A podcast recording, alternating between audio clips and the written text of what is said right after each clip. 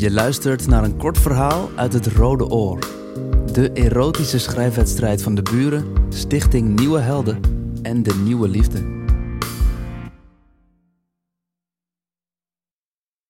Mijn uitgekoude kauwgom prop ik snel in het kijkgat en met wat tape plak ik de webcam af. Dan gaan de gordijnen dicht en mijn gsm verdwijnt onder het turquoise donsdeken. Elk streepje licht is gedirigeerd naar de kale muur achter in het appartement. Weg van de spiegel die ik uit de badkamer heb gehaald en met veel moeite tegen de kartonnen muur van de living heb geplaatst. Trillend rol ik de sweater omhoog. Girls just wanna have fun. Mijn huid trekt en na wat wrikkelen gooi ik de capuchon op het bed. Het verband is stevig rond mijn borstkast gewikkeld om de zwelling tegen te houden. Om de littekens onder druk te zetten zodat ze mooi genezen. Ik pulk aan de randen, pruts aan de grijpertjes tot de witte doeken lossen. Laag na laag ontrol ik mezelf en met elke draai voel ik een nieuw gewicht dalen. Het is teer en vol. Nog een beetje pijnlijk. Bij de laatste omwikkeling stop ik even.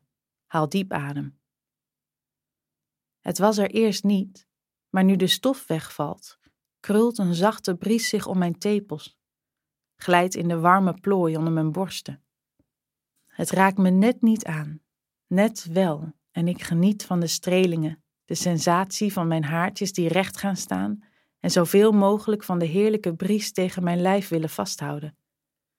De lucht buigt zich in nieuwe vormen om me heen.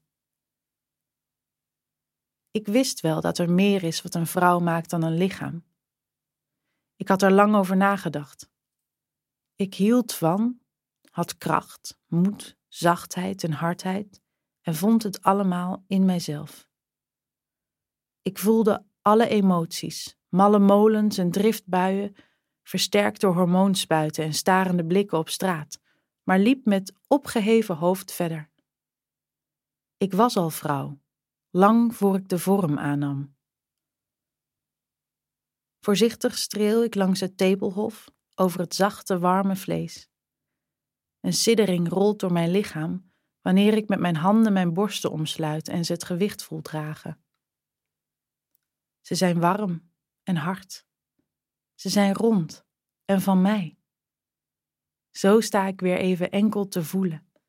De nieuwe sensaties verdoven mijn andere zintuigen en de voetstappen in de gang merk ik te laat op. Hij vraagt of ik thuis ben. Met een vertrokken gezicht staar ik naar mezelf in de spiegel. Zie de littekens, de blauwe plekken, het geronde bloed. Mijn hart lijkt zichzelf tussen de zwarte gerafelde hechtingen naar buiten te willen duwen. Ik grijp de sweater van het bed en zeg geluidloos dat ik eraan kom. Mijn ogen flitsen heen en weer, losgebrand door het gekerfde beeld. Met een arm onder mijn kloppende, bonte borsten draai ik de sleutel in het slot en open de deur. Zijn ogen blijven even plakken op zijn eigen reflectie wanneer hij zijn rugzak op de tafel legt. Langzaam sluit ik de deur. Pulk de kauwgom uit het kijkgat en wandel nog steeds met mijn arm over mijn borstkas naar het raam, open de gordijnen. Hij gaat op het bed zitten, recht tegenover de spiegel en gooit zijn schoenen naast mijn pantoffels. Ik blijf naast de spiegel staan, kijk naar hem en tegelijk probeer ik zijn blik te ontwijken. Doet het pijn? Ik haal mijn schouders op. Enkel de linkerkant. Zo sta ik daar, terwijl hij er zit. Hij kijkt nieuwsgierig naar zichzelf in de spiegel en dan naar mij, frikkelt wat heen en weer, is terug stil. Mag ik ze zien? Ik zie terug de blauwe plekken, de rode littekens, het zwart en het roodbruin. Ik schud mijn hoofd. Het ziet er niet uit. Hij kijkt me even aan, staat recht en komt voor me staan. Teder neemt hij mijn handen vast en trekt me tegen zich aan. Hij lacht. Girls just wanna have fun. Met een zucht kust hij mijn nek. Voorzichtig trekt hij de stof omhoog, over mijn buik, mijn borstkas en mijn hoofd. Ik hou mijn armen krampachtig gekruist. Hij neemt ze vast en haalt ze weg. Ik sluit mijn ogen om de tranen tegen te houden. De linkerkant, zei je? Zijn warme lippen glijden langzaam van mijn nek naar beneden. Hij kust.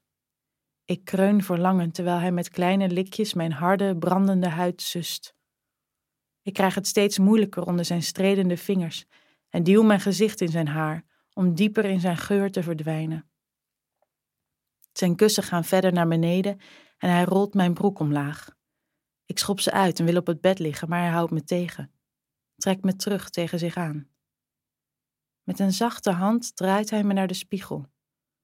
Zijn handen glijden liefkozend over mijn buik, mijn heupen en mijn borsten, terwijl hij diep in de ogen van mijn reflectie staart. Vanaf nu zijn we zo.